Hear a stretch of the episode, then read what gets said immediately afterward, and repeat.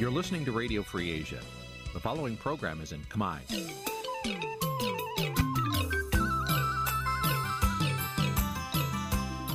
Nǐ chi càm bi tiệp xáy vệt chiu a zì sáy.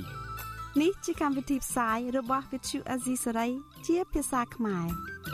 វិទ្យុអាស៊ីសេរីសូមស្វាគមន៍លោកអ្នកនាងទាំងអស់ពីរដ្ឋធានី Washington នៃសហរដ្ឋអាមេរិក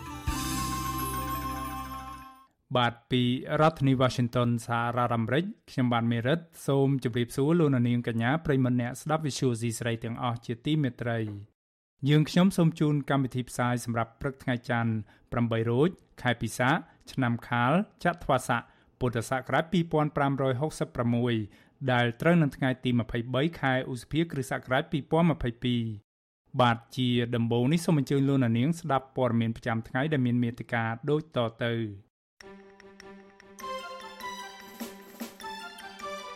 គណៈបព្វជិធិបតេយ្យមូលដ្ឋាន និងគណៈបច្ឆន្ទៈខ្មែរថាកោចបលំអៀងទៅបកកណ្ដាលអំណាចអញ្ញាធរខេត្តកណ្ដាលរៀបរៀងក្បួនឃោសនាបាក់ភ្លើងទៀនមិនឲ្យឆ្លងកាត់ទីប្រជុំជនសំខាន់សំខាន់ជនជាតិចិន បន្តប្រើប្រាស់ទឹកដីខ្មែរបើករោងចក្រផលិតគ្រឿងញៀនក្រុមអ្នកស្រឡាញ់ព្រៃឈើខកចិត្តចំពោះមន្ត្រីបរិស្ថានខេត្តក្រចេះ ដែលបណ្តែតបណ្តោយឲ្យមានបលល្មើសព្រៃឈើក្នុងតំបន់ព្រៃឡង់រួមនឹងព័ត៌មានផ្សេងៗមួយចំនួនទៀត។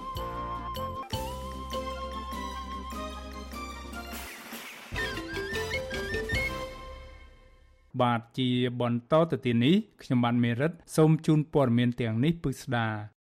បាទលោកនាងប្រិមម្នាក់ស្ដាប់ជាទីមេត្រីគណៈបព្វជិធិបតេយ្យមូលដ្ឋាន និងគណៈបច្ឆន្ទៈខ្មែរ រិះគន់គណៈកម្មាធិការជាតិរៀបចំការបោះឆ្នោតហៅកាត់ថាកោជបថាលំអៀងទៅខាងគណៈបព្វជិជនកម្ពុជា បន្ទាប់ពីស្ថាប័នជាតិរៀបចំការបោះឆ្នោតមួយនេះបានប្រកាសពីចំនួនតួលេខជាក់លាក់នៃអ្នកចូលរួមធ្វើយុទ្ធនាការឃោសនាបោះឆ្នោតរបស់គណៈបកកណ្ដាលអំណាចបាទលោកជីវិតារាយការណ៍ព័ត៌មាននេះការបញ្ចេញប្រតិកម្មរបស់គណៈបកទាំងពីរនេះធ្វើឡើងបន្ទាប់ពីគណៈកម្មាធិការជាតិរៀបចំការបោះឆ្នោតកោជប កាលពីថ្ងៃទី21ឧសភា ដែលជាថ្ងៃឃោសនាបោះឆ្នោតដំបូងនោះ បានចេញសេចក្តីប្រកាសថាគណៈបកប្រជាជនកម្ពុជា មានអ្នកចូលរួមធ្វើយុទ្ធនាការឃោសនាបោះឆ្នោតចំនួន40000នាក់រីឯគណៈបកភ្លើងទៀនមានអ្នកចូលរួមឃោសនាបោះឆ្នោតចំនួន1500នាក់នៅទូទាំងរាជធានីភ្នំពេញប្រធានគណៈកម្មាធិការនយោបាយនៃគណៈបកប្រជាធិបតេយ្យមូលដ្ឋាន លោកយ៉ងសង្គមាប្រាប់អាស៊ីសេរីនៅថ្ងៃទី22ខែឧសភាថា កោជបដូចជាមិនចាំបាច់ចេញសេចក្តីប្រកាសពីចំនួនមនុស្សរបស់គណៈបកនីមួយៗឲ្យជាក់លាក់ដូចនេះទេ លោកបន្តថាលោកមិនដឹងជាគោជបប្រកាសរបៀបនេះក្នុងគោលបំណងអ្វីឡើយដោយលោកបញ្ជាក់ថាទួលនីតិរបស់គោជបគួរតែចេញសេចក្តីប្រកាសណែនាំដែលពាក់ព័ន្ធទៅនឹងនីតិវិធីច្បាប់ដល់គណៈបកទាំងអស់នោះទើបជាការគួរ។ គឺគាត់ធ្វើម៉េចឲ្យគាត់ថាធ្វើធានាឲ្យការឃោសនាបោះឆ្នោតហ្នឹងវាបានស្មារតីគ្នាទៅពិតទៅលូនប្រកបដោយសុខភាពរបស់គ្នាណាបាទហ្នឹងចង់ចង់មើលពីគណៈបកគាត់ត្រូវផ្សព្វផ្សាយទាំងអស់ហើយវាមិនបាច់ដាក់ចំនួនអីក៏វាមិនចាំបាច់គាត់គាត់ចេញថាឥឡូវក្នុងការយុទ្ធនាការឃោសនាបោះឆ្នោតហ្នឹងគណៈបកណាខ្លះគាត់មានសកម្មភាពឃោសនាបោះឆ្នោតអីចឹងអាហ្នឹងអឺ មានថាគណៈបកទាំងអស់គាត់ធ្វើសកម្មភាពឃោសនាបោះឆ្នោតដែរគាត់ថារូបភាពផ្សេងផ្សេងគ្នាអញ្ចឹងណាបាទអញ្ចឹងខ្ញុំយល់ឃើញថាហេតុអីបានគាត់ធ្វើអីដាក់ថាពីគណៈបកវាអត់មិនស្មារតីគ្នាទេបាទហើយវាមិនចាំបាច់ថាគាត់បាច់ធ្វើអញ្ចឹងទេបាទឆ្លើយបំភ្លឺទៅនឹងការរិះគន់នេះអ្នកនាំពាក្យគណៈកម្មាធិការជាតិរៀបចំការបោះឆ្នោតលោកហងពុធាប្រាប់អាស៊ីសេរីនៅព្រឹកថ្ងៃដដែលថាគោជបចេញសេចក្តីប្រកាសនេះ គឺធ្វើតាមសំណើរបស់គណៈបកដែលបានដាក់មក ដើម្បីឲ្យសាធារណជនទូទៅជ្រាប លោកអះអាងទៀតថា ការចេញសេចក្តីប្រកាសនេះមិនខុសឆ្គងទៅនឹងរដ្ឋធម្មនុញ្ញនិងនីតិវិធីណាមួយឡើយលោកបន្ថែមថាបើមានគណៈបកណាមួយមានបំណងឲ្យកោជបកែតម្រង់វិធីសាស្ត្រក្នុងការធ្វើការគួរតែសរសេរជាលិលាអក្សរដាក់មកស្ថាប័នដើម្បីឲ្យកោជបពិចារណា ការលើកឡើងគ្រាន់តែជាទស្សនៈមួយប៉ុន្តែអ្វីដែលកោជបកំពុងតែធ្វើគឺព្យាទាត់ភាពត្រឹមត្រូវឯកសារដែលមានបាទនឹងនឹងឯកសារដែលមានស្រាប់ដូចអញ្ចឹងបើយើងឃឃើញមិនហើយមានផតានៅក្នុងដៃអញ្ចឹងកោចបបានរៀបចំតាមបែបនោះទៅបាទបាទអត់អត់មានខុសអីទៅនឹងនីតិវិធីច្បាប់ទេហើយបើសិនជាថ្ងៃទី3ទី4ឬក៏ថ្ងៃចុងក្រោយខាងគណៈបកណាលោកចេញមកធ្វើសកម្មភាពប្រមាថគឺកោចបនឹងធ្វើការបូកសរុបបែបហ្នឹងចំណែកប្រធានគណៈបកឆន្ទៈខ្មែរលោកគង់ម៉ូនីកា ប្រាប់អាស៊ីសេរីថាវិហាក់ដូចជាចម្លែកចំពោះការចេញសេចក្តីប្រកាសនេះក៏ប៉ុន្តែលោកមិនហ៊ានសន្និដ្ឋានថាអង្គភាពកោជបមានគោលបំណងអ្វីមួយឲ្យប្រកាសនោះទេទោះជាយ៉ាងណា លោកថាលោកទន្ទឹងរង់ចាំមើលចំណាត់ការរបស់កោជបថាតើស្ថាប័នរៀបចំការបោះឆ្នោតកំពូលមួយនេះ នឹងបំពេញការងាររបស់ខ្លួនដោយអព្យាក្រឹតដោយឯករាជ្យឥតលំអៀងតាមច្បាប់កំណត់ឬទេ នៅថ្ងៃខាងមុខ បាទនិយាយថាកោជបលំអៀងឬក៏មិនលំអៀងទេនៅចំណុចនេះគ្រាន់តែថាដូចខ្ញុំនិយាយបាញ់មិញគឺថាកោជបលធ្វើកិច្ចក្តីប្រកាសព័ត៌មានបែបហ្នឹងគ្រាន់តែចង់បង្ហាញថាខ្លួនជាអាជ្ញាកណ្ដាលខ្លួនជាអ្នកតាមដានមើលសកម្មភាពរបស់គណៈបដិបាយទាំងអស់ដែលចេញទៅឃោសនាអីចឹងតែប៉ុណ្ណឹងបាទនេះជាខ្ញុំគិតថានេះជាបំណងរបស់គាត់បាទបាទខ្ញុំក៏យល់ថាវា ចម្លែកដូចគ្នាក៏ប៉ុន្តែខ្ញុំមិនទាន់អាចហ៊ានសន្និដ្ឋានបានថាតើហេតុអីបានគាត់ចេញសេចក្តីប្រកាសអញ្ចឹងហើយតើក្នុងគោលបំណងអ្វីច្បាស់លាស់ទេជុំវិញរឿងនេះនាយកប្រតិបត្តិអង្គការឃ្លាំមើលការបោះឆ្នោតនៅកម្ពុជាហៅកាត់ថា Netflix លោកសំគុណធីមី ប្រាប់អាស៊ីសេរីថាចំនួនអ្នកចូលរួមឃោសនារបស់គណៈបកនីមួយៗគួរតែត្រូវបានចេញផ្សាយដោយគណៈបកខ្លួនឯងផ្ទាល់ មិនចាំបាច់គណៈកម្មាធិការជាតិរៀបចំការបោះឆ្នោតចេញសេចក្តីប្រកាសនោះទេលោកបញ្ជាក់ថាធ្វើបែបនេះវាផ្ទុយទៅនឹងនីតិវិធីច្បាប់និងការងាររបស់គោជប ការងារកើជាបកក៏ស្រួលទេស្រួលការងារនឹងតាមច្បាប់នីតិវិធីឲ្យវារលូននោះបាទបើគេគេណាត់គ្នាជួបកន្លែងណាទៅគឺមិនគុំគេមិនឲ្យប្រាគារដ្ឋនោះគឺនេះណាចង់និយាយខ្ញុំចង់និយាយចឹងយើងរៀបចំតាមផ្លូវតាមអីកន្លែងប្រជុំជនជួបជុំមិនមែនរៀបចំជួបជុំនៅអាគារសាធារណៈដូចក្រសួងមន្ត្រីណាមួយចឹងណាបាទបាទព្រោះអាហ្នឹងអាគាររដ្ឋគេជៀសវាងឲ្យ ច្បាប់មន្ត្រីទីផ្សារនេះក៏អត់ពាក់ព័ន្ធណាបាទខ្ញុំក៏យកបដោតទៅលើសេចក្តីអានេះសម្រួលដំណើរការឃោសនាហ្នឹងឲ្យបានរលូនណាជាជាងចេញសេចក្តីថ្លែងការណ៍ដែលមិនមែនជាកតាបកិច្ចចាំបាច់របស់កជបណាបាទគណៈបកប្រជាធិបតេយ្យមូលដ្ឋានគណៈបកឆន្ទៈខ្មែរនិងមន្ត្រីអង្គការក្រៅរដ្ឋាភិបាលរិះគន់គណៈកម្មាធិការជាតិរៀបចំការបោះឆ្នោតថាធ្វើលើសពីទូនីតិរបស់ខ្លួន។ ពួកគេថាស្ថាប័នកោជបត្រូវតែមិនលំអៀងដោយដែលច្បាប់កំណត់ ដើម្បីកសាងទំនុកចិត្តដល់ពលរដ្ឋខ្មែរខ្ញុំជីវិតាអាស៊ីសេរី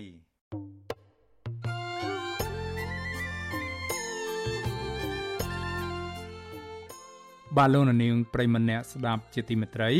ដំណើរគ្នានឹងស្ដាប់ការផ្សាយរបស់ Visual Asia សេរីតាមបណ្ដាញសង្គម Facebook និង YouTube លោកអ្នកនាងក៏អាចស្ដាប់កម្មវិធីផ្សាយរបស់ Visual C ស្រីតាមប្រឡោកធារកាសខ្លីឬ Shortwave តាមកម្រិតនិងកម្ពស់ដូចតទៅនេះពេលព្រឹកចាប់ពីម៉ោង5កន្លះដល់ម៉ោង6កន្លះតាមរយៈរលកធារកាសខ្លី12140 kHz ស្មើនឹងកម្ពស់ 25m និង13715 kHz ស្មើនឹងកម្ពស់ 22m ពេលយប់ចាប់ពីម៉ោង7កន្លះដល់ម៉ោង8កន្លះ តាមរយៈរលកធារកាសខ្លី9960 kHz ស្មើនឹងកម្ពស់ 30m 12140 kHz ស្មើនឹងកម្ពស់ 25m និង11885 kHz ស្មើនឹងកម្ពស់ 25m បាទសូមអរគុណ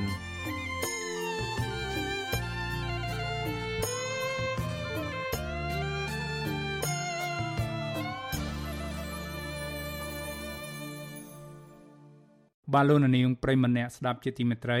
ថ្ងៃទី2នៃយុទ្ធនាការឃោសនាបោះឆ្នោតជ្រើសរើសក្រុមប្រឹក្សាគុំសង្កាត់កាលពីថ្ងៃទី22ខែឧសភាម្សិលមិញអាជ្ញាធរខេត្តកណ្ដាលជាច្រើនអ្នកបានរៀបរៀងដល់ក្បួនគណៈបកភ្លើងទៀនមិនអោយឆ្លងកាត់ទីប្រជុំជនសំខាន់សំខាន់គណៈគណៈបកមួយចំនួនទៀតកំពុងហាយក្បួននៅតាមមូលដ្ឋាននៅទូទាំងប្រទេសមន្ត្រីអង្គការសង្គមស៊ីវិលជំរុញឲ្យភាគីពាក់ព័ន្ធទាំងអស់ គួរជជែកគ្នាដោយឈរលើគោលការណ៍ស្មារភាព ដើម្បីឲ្យបកនយោបាយអាចធ្វើសកម្មភាពដោយរលូនស្របតាមច្បាប់អាជ្ញាធរនិងមន្ត្រីគណៈកម្មាធិការជាតិរៀបចំការបោះឆ្នោតខេត្តកណ្ដាលជាង10នាក់បានចុះរៀបរៀងក្បួនយុទ្ធនាការឃោសនាបោះឆ្នោតរបស់គណៈបកភ្លើងទៀនដែលមានក្រុមអ្នកគាំទ្រជាង1000នាក់មិនអោយហាយឆ្លងកាត់ផ្សារតាខ្មៅចាស់និងតំបន់ដែលមានផ្លូវពលរដ្ឋរស់នៅច្រើន នៅព្រឹកថ្ងៃទី22ខែឧសភា ពួកគេចាត់ទុកទង្វើរបស់អាជ្ញាធរនេះថាគឺជាការរារាំងសកម្មភាពឃោសនាបោះឆ្នោតរបស់គណៈបកនយោបាយដែលធ្វើឲ្យពួកគេបាត់បង់ឱកាសផ្សព្វផ្សាយសារនយោបាយទៅដល់ម្ចាស់ឆ្នោតគ្រប់មជ្ឈដ្ឋានប្រធានគណៈបកភ្លើងទៀនក្រុងតាខ្មៅខេត្តកណ្ដាលលោកសំវិបុលប្រាវិសុយស៊ីស្រីនៅថ្ងៃទី22ខែឧសភាថាគោលបំណងដែលលោកដឹកនាំក្បួនឆ្លងកាត់ផ្សារតាខ្មៅគឺដើម្បីបញ្ជូនសារនយោបាយទៅប្រជាពលរដ្ឋឲ្យបានគ្រប់ទីកន្លែង ក៏ប៉ុន្តែលោកសោកស្ដាយចំពោះអាញាធរបែរជាមកហាមឃាត់ក្បួន ដែលធ្វើឲ្យក្បួនស្ទះពេញដងផ្លូវដូច្នេះលោកបានសម្រេចហាយលើផ្លូវដែលអាញាធរបានកំណត់វិញមន្ត្រីបាក់ភ្លើងទៀនរូបនេះឲ្យដឹងថាកន្លងមកលោកធ្លាប់ស្នើទៅគណៈកម្មាធិការខេត្តរៀបចំការបោះឆ្នោតចំនួន4លើករួចមកហើយដើម្បីឲ្យគណៈបករបស់លោកអាចហាយក្បួននៅលើផ្លូវសំខាន់សំខាន់ ក៏ប៉ុន្តែអាជ្ញាធរតែងតែបដិសេធដោយលើកយកហេតុផលថាប៉ះពាល់ដល់សន្តិភាពសាធារណៈលោកអំពីវនីវដល់អាជ្ញាធរពាក់ព័ន្ធត្រូវអនុញ្ញាតឲ្យគណៈបញ្ញយោបាយទាំងអស់អាចហាយក្បួននិងឃោសនានៅទីតាំងសាធារណៈទាំងអស់ដោយគ្មានការហាមឃាត់ឬរារាំង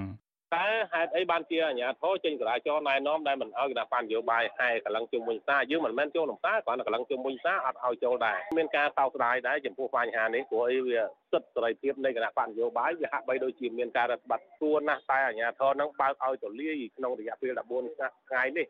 វិសុវស៊ីស្រីមិនអាចតាក់ទងស្នងការនគរបាលខេត្តកណ្ដាលលោកឈឿនសុចិត្តនិងប្រធានលេខាធិការដ្ឋានគណៈកម្មាធិការរៀបចំការបោះឆ្នោតខេត្តកណ្ដាល លោកហ៊ីញរដ្ឋាដើម្បីបកស្រាយជុំវិញរឿងនេះបាននៅឡើយទេ នៅថ្ងៃទី22ខែឧសភា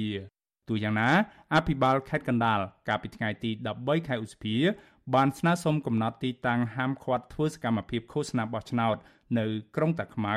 ទៅគណៈកម្មាធិការរៀបចំការបោះឆ្នោតខេត្តដើម្បីធានាសន្តិសុខសុវត្ថិភាព និងសន្តិភាពជូនគណៈបញ្ញយោបាយទាំងអស់ឲ្យបានល្អប្រសើរនិងបញ្ជានៅការកកស្ទះចរាចរណ៍ដែលលោកថារំខានដល់ការធ្វើដំណើររបស់ប្រជាពលរដ្ឋលិខិតដដែលហាមឃាត់ការដង្ហែក្បួនឃោសនានិងការប្រមូលផ្ដុំតាមផ្លូវនិងទីតាំងមួយចំនួន ដូចជាបរិវេណជុំវិញផ្សារចាស់សួនច្បារមាត់ស្ទឹងព្រែកថ្នោត ក្រុងតាខ្មៅបរិវេណជុំវិញពន្ធនាគារនិងផ្លូវជុំវិញបន្ទាយសុវត្ថិភាពទួលក្រសាំងជាដើមនៅថ្ងៃទី2នៃយុទ្ធនាការឃោសនាបោះឆ្នោតជ្រើសរើសក្រុមប្រឹក្សាឃុំសង្កាត់អាណត្តិទី5នេះគណៈបញ្ញយោបាយដែលបានដាក់បេក្ខជនចូលរួមប្រកួតប្រជែង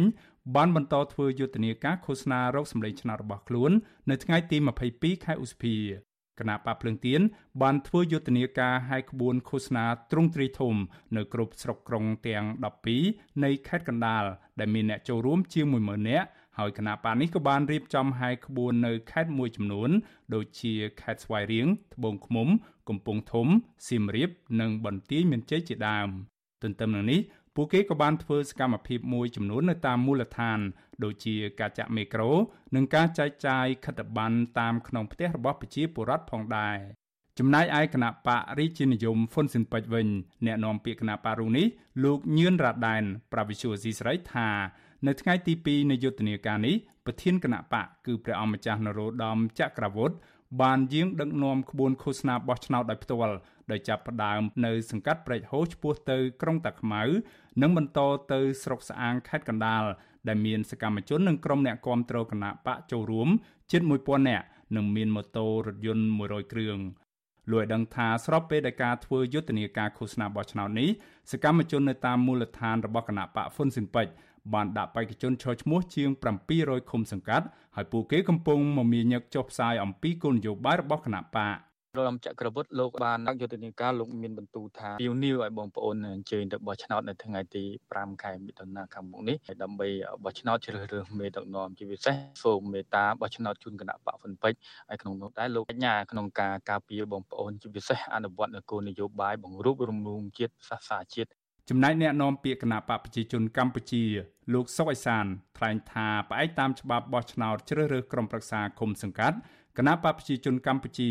បានរៀបចំផែនការឲ្យក្បួនឃោសនាបោះឆ្នោតជ្រើសរើសឃុំសង្កាត់នៅទូទាំងប្រទេសចំនួន2ដង គឺនៅថ្ងៃបើកនិងថ្ងៃបិទយុទ្ធនាការនៃការឃោសនាបោះឆ្នោតក៏ប៉ុន្តែលោកបញ្ជាក់ថានៅថ្ងៃទី2នេះថ្នាក់ដឹកនាំគណៈបក បានជួបជុំគ្នាសំណេះសំណាលជាមួយសកម្មជន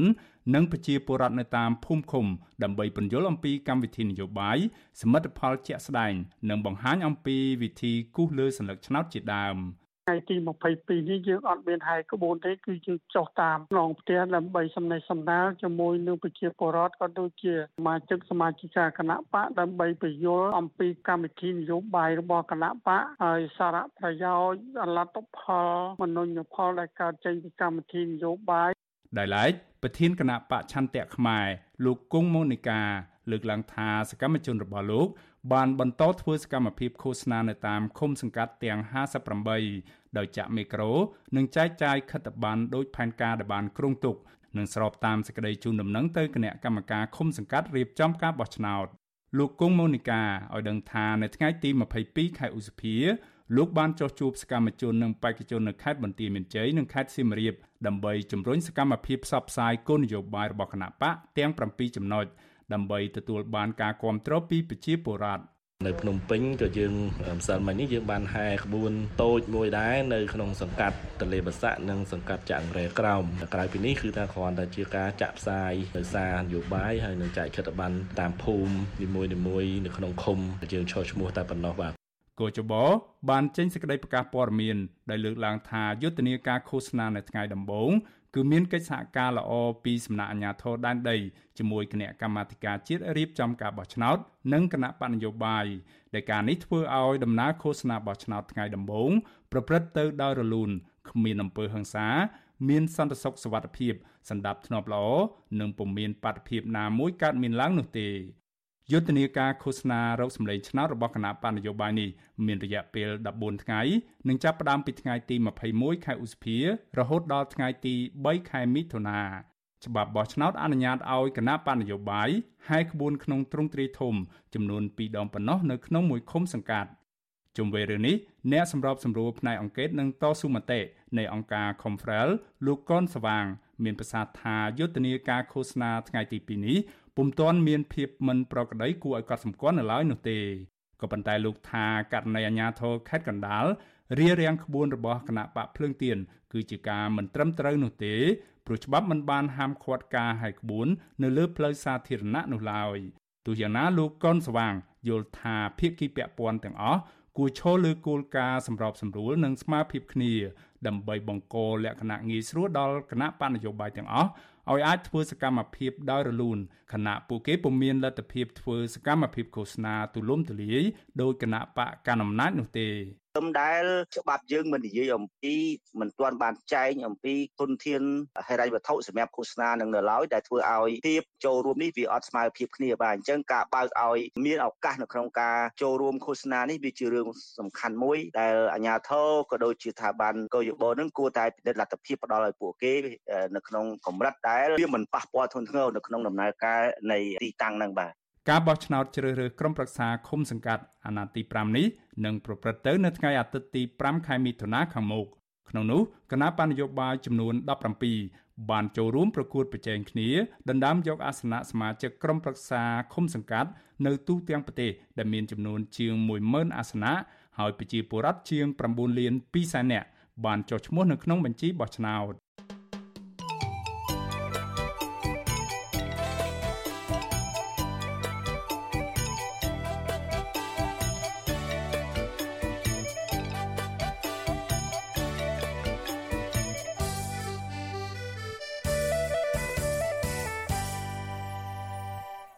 បាទលោកនាងប្រិមម្នាក់ស្ដាប់ជាទីមេត្រីព័ត៌មានតកតទៅនឹងកិច្ចការបោះឆ្នោតនេះដែរអ្នកជំនាញកិច្ចការបោះឆ្នោតថាគណៈបណ្ឌនយោបាយពុំមានទូនាទីឬសិទ្ធិកោះហៅមន្ត្រីបោះឆ្នោតរបស់គណៈកម្មាធិការជាតិរៀបចំការបោះឆ្នោតហៅកាត់ថាកោចបោឲ្យមកចូលរួមវគ្គបំពាក់បំពន់របស់គណៈបណ្ឌនយោបាយនោះឡើយអ្នកសម្របសម្រួលផ្នែកអង្គការនឹងតស៊ូមតិ នៃគណៈកម្មាធិការដើម្បីការបោះឆ្នោតដោយសេរីនិងយុត្តិធម៌នៅកម្ពុជាហៅកាត់ថាអង្គការ Confrel លោកកនស្វាងប្រាវិសុយស៊ីស្រីកាលពីល្ងាចថ្ងៃទី22ខែឧសភាថាប៉ះសិនបើមានករណីគណៈបញ្ញយោបាយក៏ហៅមន្ត្រីបោះឆ្នោតកោចបឲ្យមកចូលរួមវគ្គបំពាក់បំពន់ណាមួយ ដែលធ្វើឡើងដោយគណៈបញ្ញយោបាយនោះលោកថាករណីនោះគឺជាការជ្រៀតជ្រែកធ្ងន់ធ្ងរដល់ស្ថាប័នកោចប ដែលអាចបង្កឲ្យមានភាពសង្ស័យឬការតវ៉ាពីគណៈបកនយោបាយដទៃទៀតដែលចូលរួមការបោះឆ្នោត អញ្ចឹងកាលណាបើសិនជាគណៈបកយោបាយមានការទាញអញ្ចឹងវាសម្ដែងអំពីភាពមិនត្រឹមត្រូវមួយនៅក្នុងការលុកលាន់ចូលកិច្ចការងារផ្ទៃក្នុងរបស់ស្ថាប័នកោជបហើយពីព្រោះហេតុអីដោយសារតាតើហេតុផលត្រង់ណាដែលខ្លួនមានទូរនទីទៅហៅស្ថាប័ននៃដែលជ្រើសរើសដោយទៅហៅភាពស្មើគ្នានោះយកមកឲ្យធ្វើកិច្ចការងារអីមួយបាទអញ្ចឹងមានន័យថាខ្លួនមានចំណុចមួយដែលខ្ញុំយល់ឃើញថាសារនេះគឺมันបានបង្ហាញអំពីទូរនទីរបស់ស្ថាប័នតម្តម្លៃរបស់ស្ថាប័នកោយបោទេដែលជាស្ថាប័នឯករាជ្យទេគឺវាធ្វើឲ្យមានការសង្ស័យហើយចង់ចង់គណៈបកនយោបាយគេមានភាពសង្ស័យទៅលើចំណុចទាំងអស់នេះអានឹងគឺជារឿងមួយដែលគណៈបកនយោបាយឬក៏ស្ថាប័នកោយបោគួរតែពិនិត្យមើលបាទយកចិត្តទុកដាក់នៅក្នុងចំណុចនេះដើម្បីជៀសវាងការមិនសុខព្រមការមិនពេញចិត្តឬក៏កិច្ចការងារមួយដែលគណៈបកនយោបាយមានការតវ៉ា វិសុយស៊ីស្រីមិនទាន់អាចតាក់ទងแนะនាំពាក្យគណៈកម្មាធិការជាតិរៀបចំការបោះឆ្នោតឬកោជបលោកហងពធាដើម្បីសុំការបកស្រាយជុំវិញករណីនេះបាននៅឡើយទេក៏ត្រឹមម៉ោងផ្សាយនេះលេខិតចុះថ្ងៃទី19ខែឧសភាចុះហត្ថលេខាដោយប្រធានមន្ត្រីគណៈបកប្រជាជនកម្ពុជាប្រចាំរាជធានីភ្នំពេញលោកង៉ែតច័ន្ទដាវីដែល Visual C សេរីទទួលបានឲ្យដឹងថាប្រធានមន្ត្រីបកប្រចាំរាជធានីភ្នំពេញរូបនេះ បានស្នើឲ្យប្រធានគណៈកម្មាធិការគណៈបកប្រជាជនកម្ពុជាប្រចាំខណ្ឌ7មករានិងខណ្ឌសែនសុខឲ្យចាត់អញ្ជើញប្រធាន អនុប្រធាន និងលេខាការិយាល័យបោះឆ្នោតឲ្យមកចូលរួមវគ្គបំពាក់បំពន់មន្ត្រីការិយាល័យបោះឆ្នោតក្រុមប្រឹក្សាឃុំសង្កាត់នៅថ្ងៃទី22ខែឧសភាវគ្គបំពាក់បំពន់នេះធ្វើឡើងនៅមន្ទីរគណៈកម្មាធិការគណៈបកប្រជាជនកម្ពុជា ប្រចាំរាជធានីភ្នំពេញវិសុយស៊ីស្រី ក៏ទទួលបានលិខិតមួយទៀតដែលមានខ្លឹមសារស្រដៀងគ្នានេះចុះហត្ថលេខាដោយប្រធានគណៈអចិន្ត្រៃយ៍នៃគណៈកម្មាធិការគណៈបកប្រជាជនកម្ពុជាខណ្ឌទួលគោកលោកជាពិសី ប្រាប់ទៅប្រធានគណៈកម្មាធិការគណៈបកប្រជាជនកម្ពុជា សង្កាត់បឹងកក់ទី2ឲ្យចាត់អញ្ជើញប្រធាន អនុប្រធាន និងលេខាធិការការិយាល័យបោះឆ្នោតទាំងអស់នៅក្នុងសង្កាត់បឹងកក់ទី2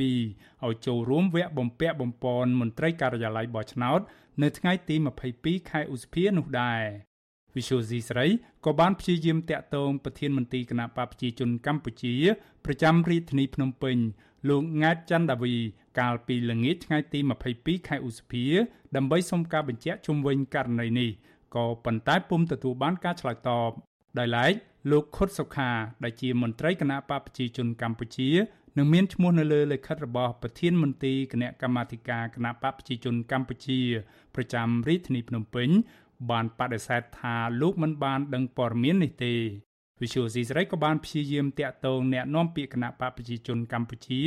លោកសុកអេសាន ដើម្បីសុំការពន្យល់ជុំវិញករណីនេះក៏ប៉ុន្តែពុំទទួលបានការឆ្លើយតបណាមួយក៏ត្រឹមម៉ោងផ្សាយនេះ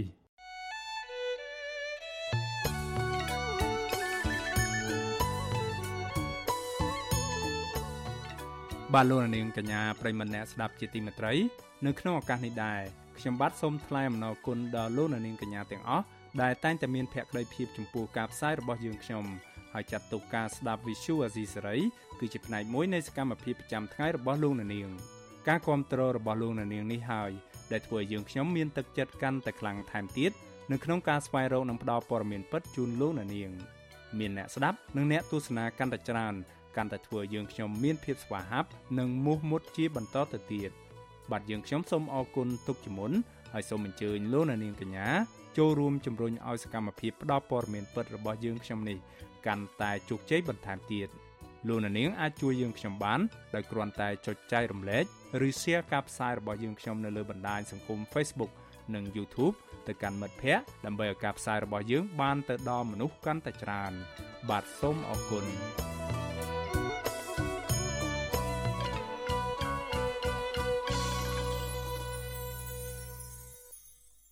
បាទលោកនាងប្រិមម្នាក់ស្ដាប់ជាទីមេត្រី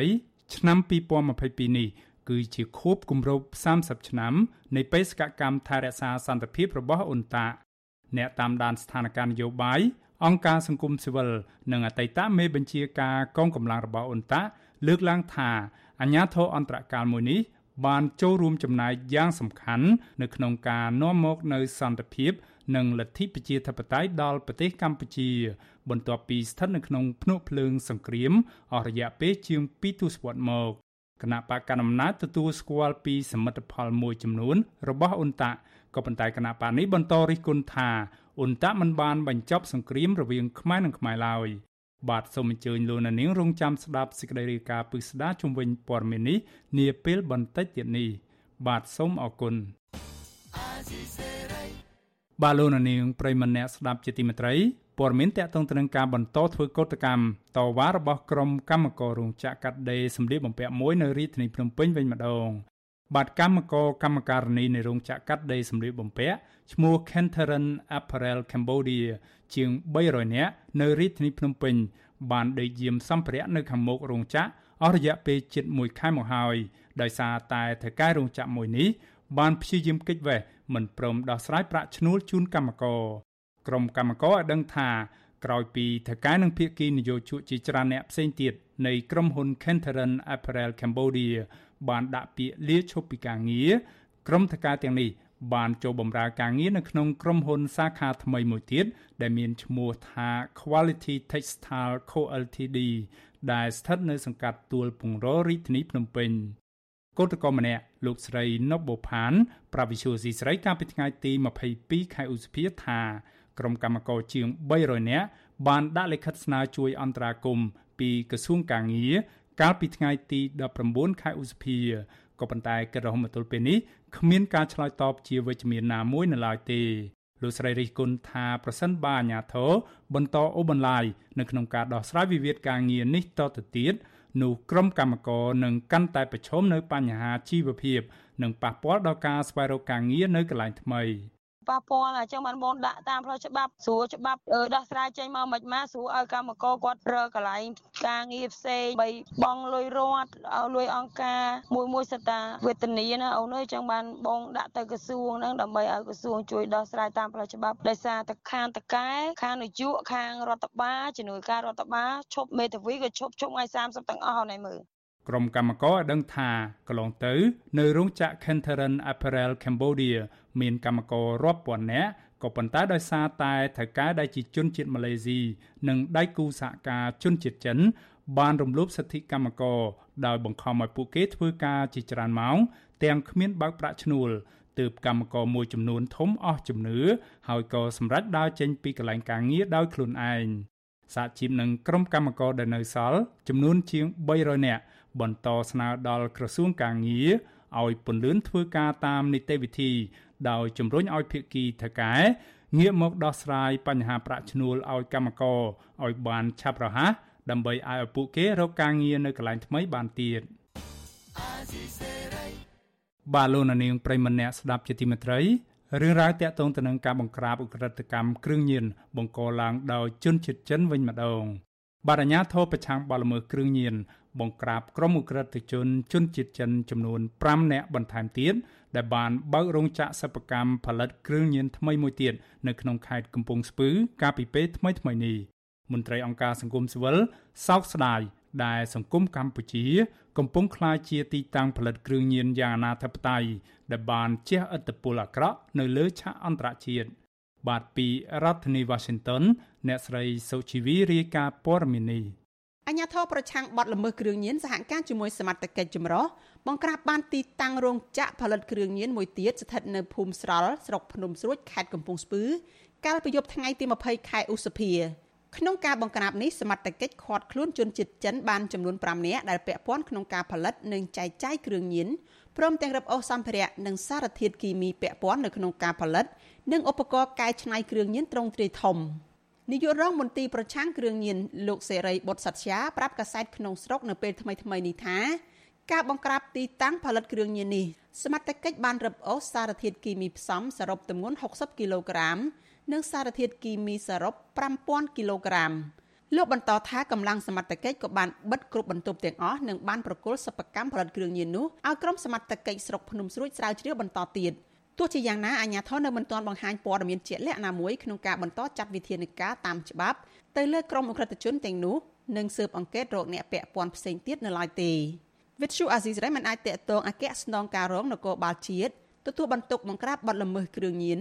លោកម៉ាក់ជីតូនិងអ្នកនាំពាក្យអាជ្ញាធរជាតិប្រយុទ្ធប្រឆាំងគ្រឿងញៀនលោកមាសវិរិទ្ធដើម្បីសាកសួរបន្ថែមជុំវិញរឿងនេះបានទេនៅថ្ងៃទី22ខែឧសភាចំណែកស្នងការនគរបាលខេត្តកំពង់ស្ពឺលោកសំសមួន ក៏វិទ្យុអាស៊ីសេរីនៅមិនទាន់អាចតាក់ទងបានដែរនៅថ្ងៃដដែលនេះទោះជាយ៉ាងណាលោកម៉ាក់ជីតូធ្លាប់មានប្រសាសន៍ថាករណីអ្នកជួញដូរគ្រឿងញៀនមានការធ្លាក់ចុះប៉ុន្តែចំនួនសារជាតិញៀននិងគ្រឿងញៀននៅតែមានការកើនឡើងគួរឲ្យកត់សម្គាល់លោកបន្តថាការកើនឡើងនៃគ្រឿងញៀនដោយសារតែក្រុមអក្រិតជន បានលួចបន្លំនាំសារធាតុញៀនចូលមកកម្ពុជា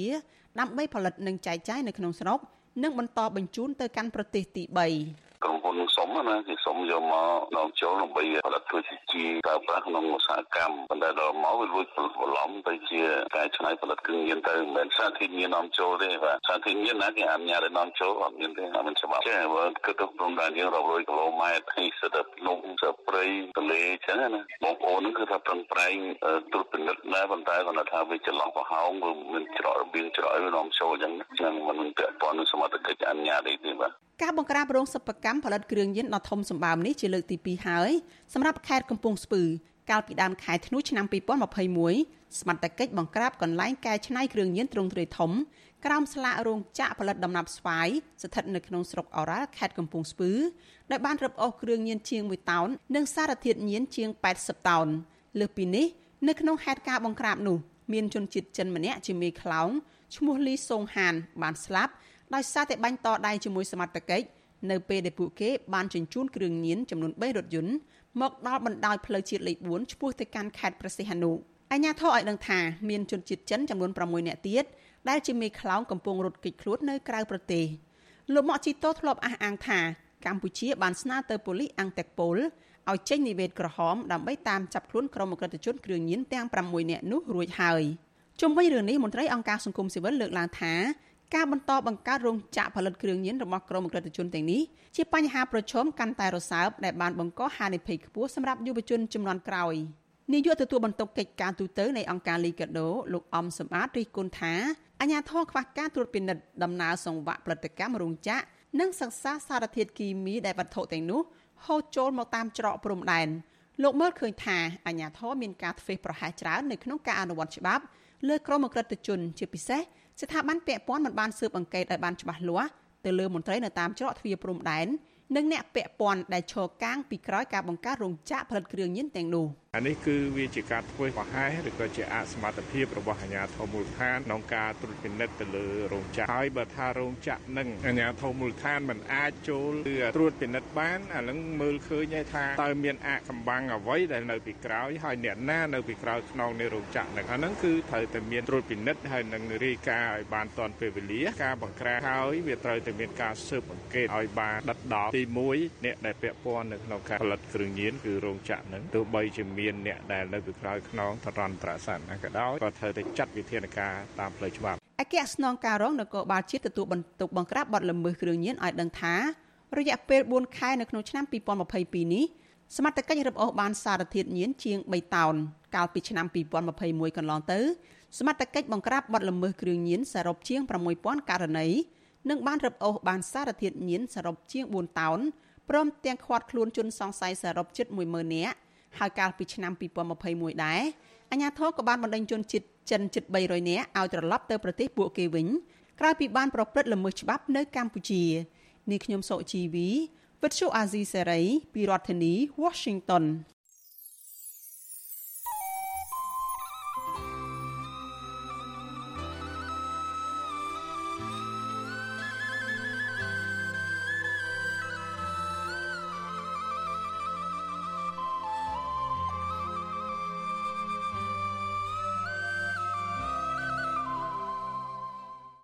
បាទលោកនាងប្រិមម្នាក់ស្ដាប់ជាទីមេត្រីលោកនាងកំពុងស្ដាប់កម្មវិធីផ្សាយរបស់ Visual Asia សេរីផ្សាយចេញពីរដ្ឋធានី Washington សហរដ្ឋអាមេរិកបាទយើងងាកមកស្ដាប់ព័ត៌មានតាក់ទងទៅនឹងបទល្មើសព្រៃឈើវិញម្ដង បាទក្រុមអ្នកស្រឡាញ់ព្រៃឈើខកចិត្តចំពោះមន្ត្រីបរិស្ថានខេត្តក្រចេះដែលបណ្តែតបណ្ដោយឲ្យមានបទល្មើសដឹកឈើចេញពីតំបន់ព្រៃឡង់និងការរំលោភយកដីធ្វើចំការយ៉ាងអនាធិបតេយ្យដោយគ្មានការបង្ក្រាបណាមួយឲ្យបានត្រឹមត្រូវ ក្រមយុវជនទាំងនោះមើលឃើញថាមន្ត្រីបរិស្ថានអសមត្ថភាពនិងគ្មានឆន្ទៈនៅក្នុងការការពារព្រៃអភិរក្សមួយនេះឲ្យបានគង់វង្សគណៈបលល្មើសព្រៃឈើនៅតែបន្តកើនឡើង បាទពីរដ្ឋធានី Washington លោកសនច័ន្ទរដ្ឋារីកាព័រមេនីក្រុមអ្នកស្រឡាញ់ព្រៃឈើលើឡានថាព្រៃឈើក្នុងខេត្តក្រចេះគឺជាតំបន់ដែលមានបលល្មើសព្រៃឈើខ្លាំងជាងបណ្ដាខេត្តផ្សេងៗហើយបលល្មើសទៅនោះកាត់ជីងពីអំពើពុរលួយរបស់មន្ត្រីបរិស្ថាន ដែលបានខុបខិតគ្នាជាមួយនឹងជនល្មើសការលើកឡើងនេះក្រោយពីយុវជនជាង30នាក់បានធ្វើយុទ្ធនាការជិះកង់ជាមួយព្រៃឡង់និងព្រៃប្រតិការប្រទះឃើញមានការដឹកជញ្ជូនតាមរយៈគោយន្តឆ្លងកាត់ស្នាក់ការប្រធានដោយគ្មានអាជ្ញាធរណាអើពើទប់ស្កាត់ទេយុវជនដែលបានចូលរួមជិះកង់លោកអូឡាទីនបានប្រាវិទ្យាអេស៊ីសរ៉ៃថ្ងៃទី22ខែសភាថាមឡងពេលដែលយុវជនកំពុងជិះកង់ឆ្លងកាត់ឃុំកំពង់ចាមស្រុកសម្បូរខេត្តក្រចេះឆ្ពោះទៅភ្នំជីខេត្តកំពង់ធំ បានជួបប្រទះការដឹកឈើឆ្លៀតនិងសក្រមជាង60កំណាត់នៅតំបន់ចំនួន3ផ្សេងគ្នាយកមករសាទុកនៅព្រៃសហគមន៍ប្រាសាទតាខ្មៅនិងភូមិសោមទីពោស្រុកសម្បូរខេត្តក្រចេះលោកបន្តថាព្រៃឈើទៅនោះមានប្រវែងចន្លោះពី5ម៉ែត្រទៅ6ម៉ែត្រហើយមានមកកាត់ពី3ទឹកទៅ4ទឹកលោកអូឡាទីនបន្ថែមថាតំបន់ព្រៃឡង់ខេត្តក្រចេះមានចំណុចផ្សេងទៀតក្រៅពីបលល្មើសព្រៃឈើក៏មានការចូលកាប់ទន្ទ្រានយកដីធ្វើចំការពីសំណាក់ពលរដ្ឋនិងអ្នកមានអំណាចផងដែរលោកបន្តថាតំបន់នោះ គឺនៅចំណុចតំបន់5ដមខេត្តក្រចេះរហូតដល់ជិតតំបន់ភ្នំជីខេត្តកំពង់ធំដែលមានទំហំដីរាប់ពាន់ហិកតាត្រូវបានជន់ខិលខូររំលោភយកសម្រាប់មន្ត្រីបរិស្ថានបើសិនជាមិនមានការប្រព្រឹត្តអំពើពុករលួយទេខ្ញុំគិតថាឈើនៅក្នុងតំបន់ពីឡង់มันអាចដឹកចេញបានទេព្រោះដឹកច្រកណាក៏មានទីស្នាក់ការបរិស្ថានដែលទៅឆ្លងកាត់ទីស្នាក់ការបរិស្ថានដែរអញ្ចឹង ត្រង់ចំណុចនេះខ្ញុំទល់ខ្ញុំគិតថាទំនងជា មានការប្រព្រឹត្តអំពើពុករលួយគប់កាត់គ្នារវាងមន្ត្រីបរិស្ថានជាមួយនឹងអ្នករស់ស៊ីឈើដោយខុសច្បាប់ បាទមានទាំងឈ្មួញឈ្មួញខាងក្រមហ៊ុនផង ហើយនឹងឈ្មួញខាងក្រៅផងអញ្ចឹងអឺបើសិនជាមិនមានការពើអំពើពុករលួយទេដោយខ្ញុំបញ្ជាក់ខាងលើមិញបញ្ហានៅក្នុងតំបន់ពីឡង់គឺពិបាកនៅក្នុងការដឹកចេញណា ព្រោះច្រកផ្លូវវាអត់មានច្រើនទេហើយទីស្នាក់ការបរិស្ថានហ្នឹងគឺភាកច្រើនគេធ្វើតាមចំណុចសំខាន់សំខាន់ផ្លូវប្រសពគ្នាសំខាន់សំខាន់ហ្នឹងគឺធ្វើទីស្នាក់ការបរិស្ថានណាអញ្ចឹងអត់អាចវៀងតាណារួចទេផ្លូវអត់អត់មានផ្លូវវៀងទេគឺត្រូវតែឆ្លងកាត់ទីស្នាក់ការបរិស្ថានតែម្ដងលោកបន្តថាកម្មនាពើរបស់មន្ត្រីបរិស្ថាននេះដោយសារពាក់ព័ន្ធនឹងភាពអសមត្ថភាពនិងគ្មានឆន្ទៈពិតប្រាកដនៅក្នុងការបង្ក្រាបជនល្មើសដែលធ្វើជនល្មើសទៅនោះ ចេះតែប្រព្រឹត្តបទល្មើសព្រៃឈើតាមអំពើចិត្តដោយមិនខ្លាចច្បាប់លោកស្នើឲ្យក្រសួងបរិស្ថានគួរតែពង្រឹងឡើងវិញចំពោះមន្ត្រីមូលដ្ឋានត្រូវមានការអនុវត្តច្បាប់ឲ្យបានត្រឹមត្រូវមិនគួរយកតំបន់អភិរក្សគឺជាកន្លែងប្រព្រឹត្តបទល្មើសនោះទេតំបន់ព្រៃឡង់មានផ្ទៃដីប្រមាណ50ម៉ឺនហិកតាគ្របដណ្ដប់ខេត្តចំនួន4គឺខេត្តព្រះវិហារកំពង់ធំ ក្រចេះនិងខេត្តស្ទឹងត្រែងតំបន់ព្រៃឡង់ត្រូវបានរដ្ឋាភិបាលកំណត់ជាតំបន់ការពារកាលពីឆ្នាំ2016 អង្គការលើកលែងទោសអន្តរជាតិ Amnesty International កាលពីឆ្នាំ2021រាយការណ៍ថាព្រៃឈើជាង6ប៉ហិតាក្នុងដែនជម្រកព្រៃឈើធំធំចំនួន2គឺព្រៃឡង់និងព្រៃព្រះរកាត្រូវបានកាប់បំផ្លាញតាមរយៈការទទួលសំណូកនិងការប្រព្រឹត្តអំពើប្រលួយរបស់អាជ្ញាធរពាក់ព័ន្ធនៅក្នុងរបាយការណ៍ដដែលថែមទាំងចាប់ប្រកាន់ចំចំលើអាជ្ញាធរពាក់ព័ន្ធជាពិសេសមន្ត្រីក្រសួងបរិស្ថានថាមិនបានអើពើនឹងការរាយការណ៍របស់ពលរដ្ឋហើយថាពេលខ្លះមន្ត្រីបរិស្ថានទៅនោះបានចុះទៅស៊ើបអង្កេត ក៏ប៉ុន្តែគ្រាន់តែទៅទទួលលុយក្រំតុកពីជនល្មើសតែប៉ុណ្ណោះចំណែកយុវតីម្នាក់ទៀតគឺកញ្ញាធួងស្រីពៅដែលចូលរួមយុទ្ធនាការជិះកង់ជាមួយព្រៃឡង់ដើម្បីបរិស្ថានអស់រយៈពេល10ថ្ងៃចាប់ផ្ដើមពីថ្ងៃទី10ដល់ថ្ងៃទី20ខែសីហាបានឆ្លងកាត់ខេត្តចំនួន4គឺខេត្តកំពង់ធំព្រះវិហារស្ទឹងត្រែងនិងខេត្តក្រចេះទើបបញ្ចប់កាលពីពេលថ្មីថ្មីនេះឲ្យវិទ្យុអេស៊ីសេរីដឹងថាកញ្ញាតក់ស្លុតយ៉ាងខ្លាំងពេលដែលប្រទះឃើញបលល្មើសព្រៃឈើដឹកចេញពីតំបន់ព្រៃឡង់យុវតីរូបនេះ បន្តថាប្រសិនបើបលល្មើសព្រៃឈើនៅតែបន្តបែបនេះព្រៃឡង់នឹងក្លាយជាវាលរហោឋានហើយបាត់បង់ដើមឈើប្រណិតនៅពេលខាងមុខជាសារក៏ដូចជាការសំណូមពរទៅរាជរដ្ឋាភិបាលនិងក្រសួងពាក់ព័ន្ធទាំងអស់ហ្នឹងសូមចូលរួមដោយសកម្មភាពប្រកបដោយភាពស្មោះត្រង់យុត្តិធម៌សមធម៌ចូលរួមការពារធនធានធម្មជាតិបរិស្ថាននៅក្នុងប្រទេសកម្ពុជាជៀសវាងការប្រព្រឹត្តអំពើពុករលួយការទទួលសំណូកសូកបានពីបុគ្គល ក្រុមឬក៏ឈ្មោះអ្នកមានអំណាចណាម្នាក់ឡើយបើសិនជាហើយមួយទៀតបើនៅតែបន្តឲ្យមានសកម្មភាពការកាប់បំផ្លាញព្រៃឈើដល់អនាធិបតេយ្យបែបនេះទៀតខ្ញុំសម្រាប់ខ្ញុំខ្ញុំគិតថាព្រៃឡង់ក៏ដោយធនធានធម្មជាតិក្នុងប្រទេសកម្ពុជាវានឹងបាត់បង់នៅពេលឆាប់ឆាប់ខាងមុខនេះវិទ្យុអេស៊ីសេរីមិនតន់តែតតងអភិបាលរងខេត្តក្រចេះលោកប៉ៃលេណាតដើម្បីសូមអធិប្បាយអំពីបញ្ហានេះបាននៅឡើយទេ នៅថ្ងៃទី22ខែសីហាដោយទូរស័ព្ទចូលតែគ្មានអ្នកទទួល ចំណែកអ្នកនាំពាក្យក្រសួងប្រធានលោកណេតផេត្រាក៏មិនតន់អាចតតបានដែរនៅថ្ងៃទី22ខែសីហានេះក៏ប៉ុន្តែអ្នកនាំពាក្យរូបនេះធ្លាប់ឲ្យវិទ្យុអេស៊ីសេរីដឹងថាបលល្មើសនៅតំបន់ព្រៃឡង់មិនមានទ្រង់ទ្រាយធំដូចមុននោះទេសេចក្តីថ្លែងការណ៍របស់ក្រុមបណ្ដាញសហគមន៍ព្រៃឡង់ចុះកាលពីថ្ងៃទី7ខែវិច្ឆិកាឆ្នាំ2021ស្ដីពីសកម្មភាពកាប់បំផ្លាញព្រៃឈើនិងការកាប់រានដីព្រៃល្មើសច្បាប់នៅក្នុងតំបន់ព្រៃឡង់ឲ្យដឹងថាបលល្មើសព្រៃឈើនៅតំបន់ព្រៃឡង់ មានការកាប់បំផ្លាញដើមជ័រច្បោះនិងដើមឈើធំធំនៅអនាធបត័យរួមទាំងដីឈើទៅនោះយកឲ្យក្រុមហ៊ុន Sing Biotech នៅក្នុងខេត្តកញ្ចេះក្រុមហ៊ុន Thinga និងក្រុមហ៊ុន PNT នៅក្នុងខេត្តព្រះវិហារនិងសកម្មភាពដឹកជញ្ជូនឈើច្រាំងកយន្តនៅក្នុងពេលមួយថ្ងៃមួយថ្ងៃពាក់ព័ន្ធនឹងបញ្ហានេះសហរដ្ឋអាមេរិកកាលពីខែមិថុនាឆ្នាំ2021បានប្រកាសឈប់ផ្តល់ជំនួយដល់រដ្ឋាភិបាលកម្ពុជា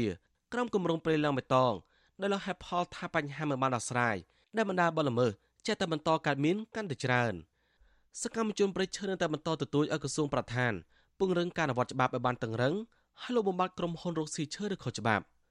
ខ្ញុំសនចាររថាវិទ្យុអេស៊ីសេរីរាយការណ៍ពីរដ្ឋធានីវ៉ាស៊ីនតោន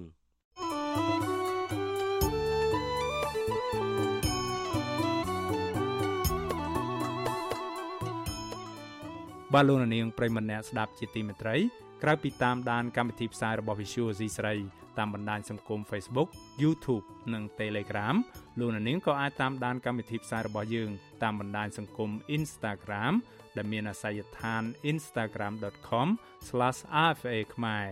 Visual C ស្រីបន្តខិតខំផ្សព្វផ្សាយព័ត៌មានពិតជូនដល់លោកនាងតាមរយៈបណ្ដាញសង្គមផ្សេងៗនិងសម្បូរបែបដើម្បីឲ្យលោកអ្នកនាងងាយស្រួលតាមដានការផ្សាយរបស់យើងគ្រប់ពេលវេលា និងគ្រប់ទីកន្លែងតាមរយៈទូរស័ព្ទដៃរបស់លោកអ្នកនាង បាទសូមអរគុណ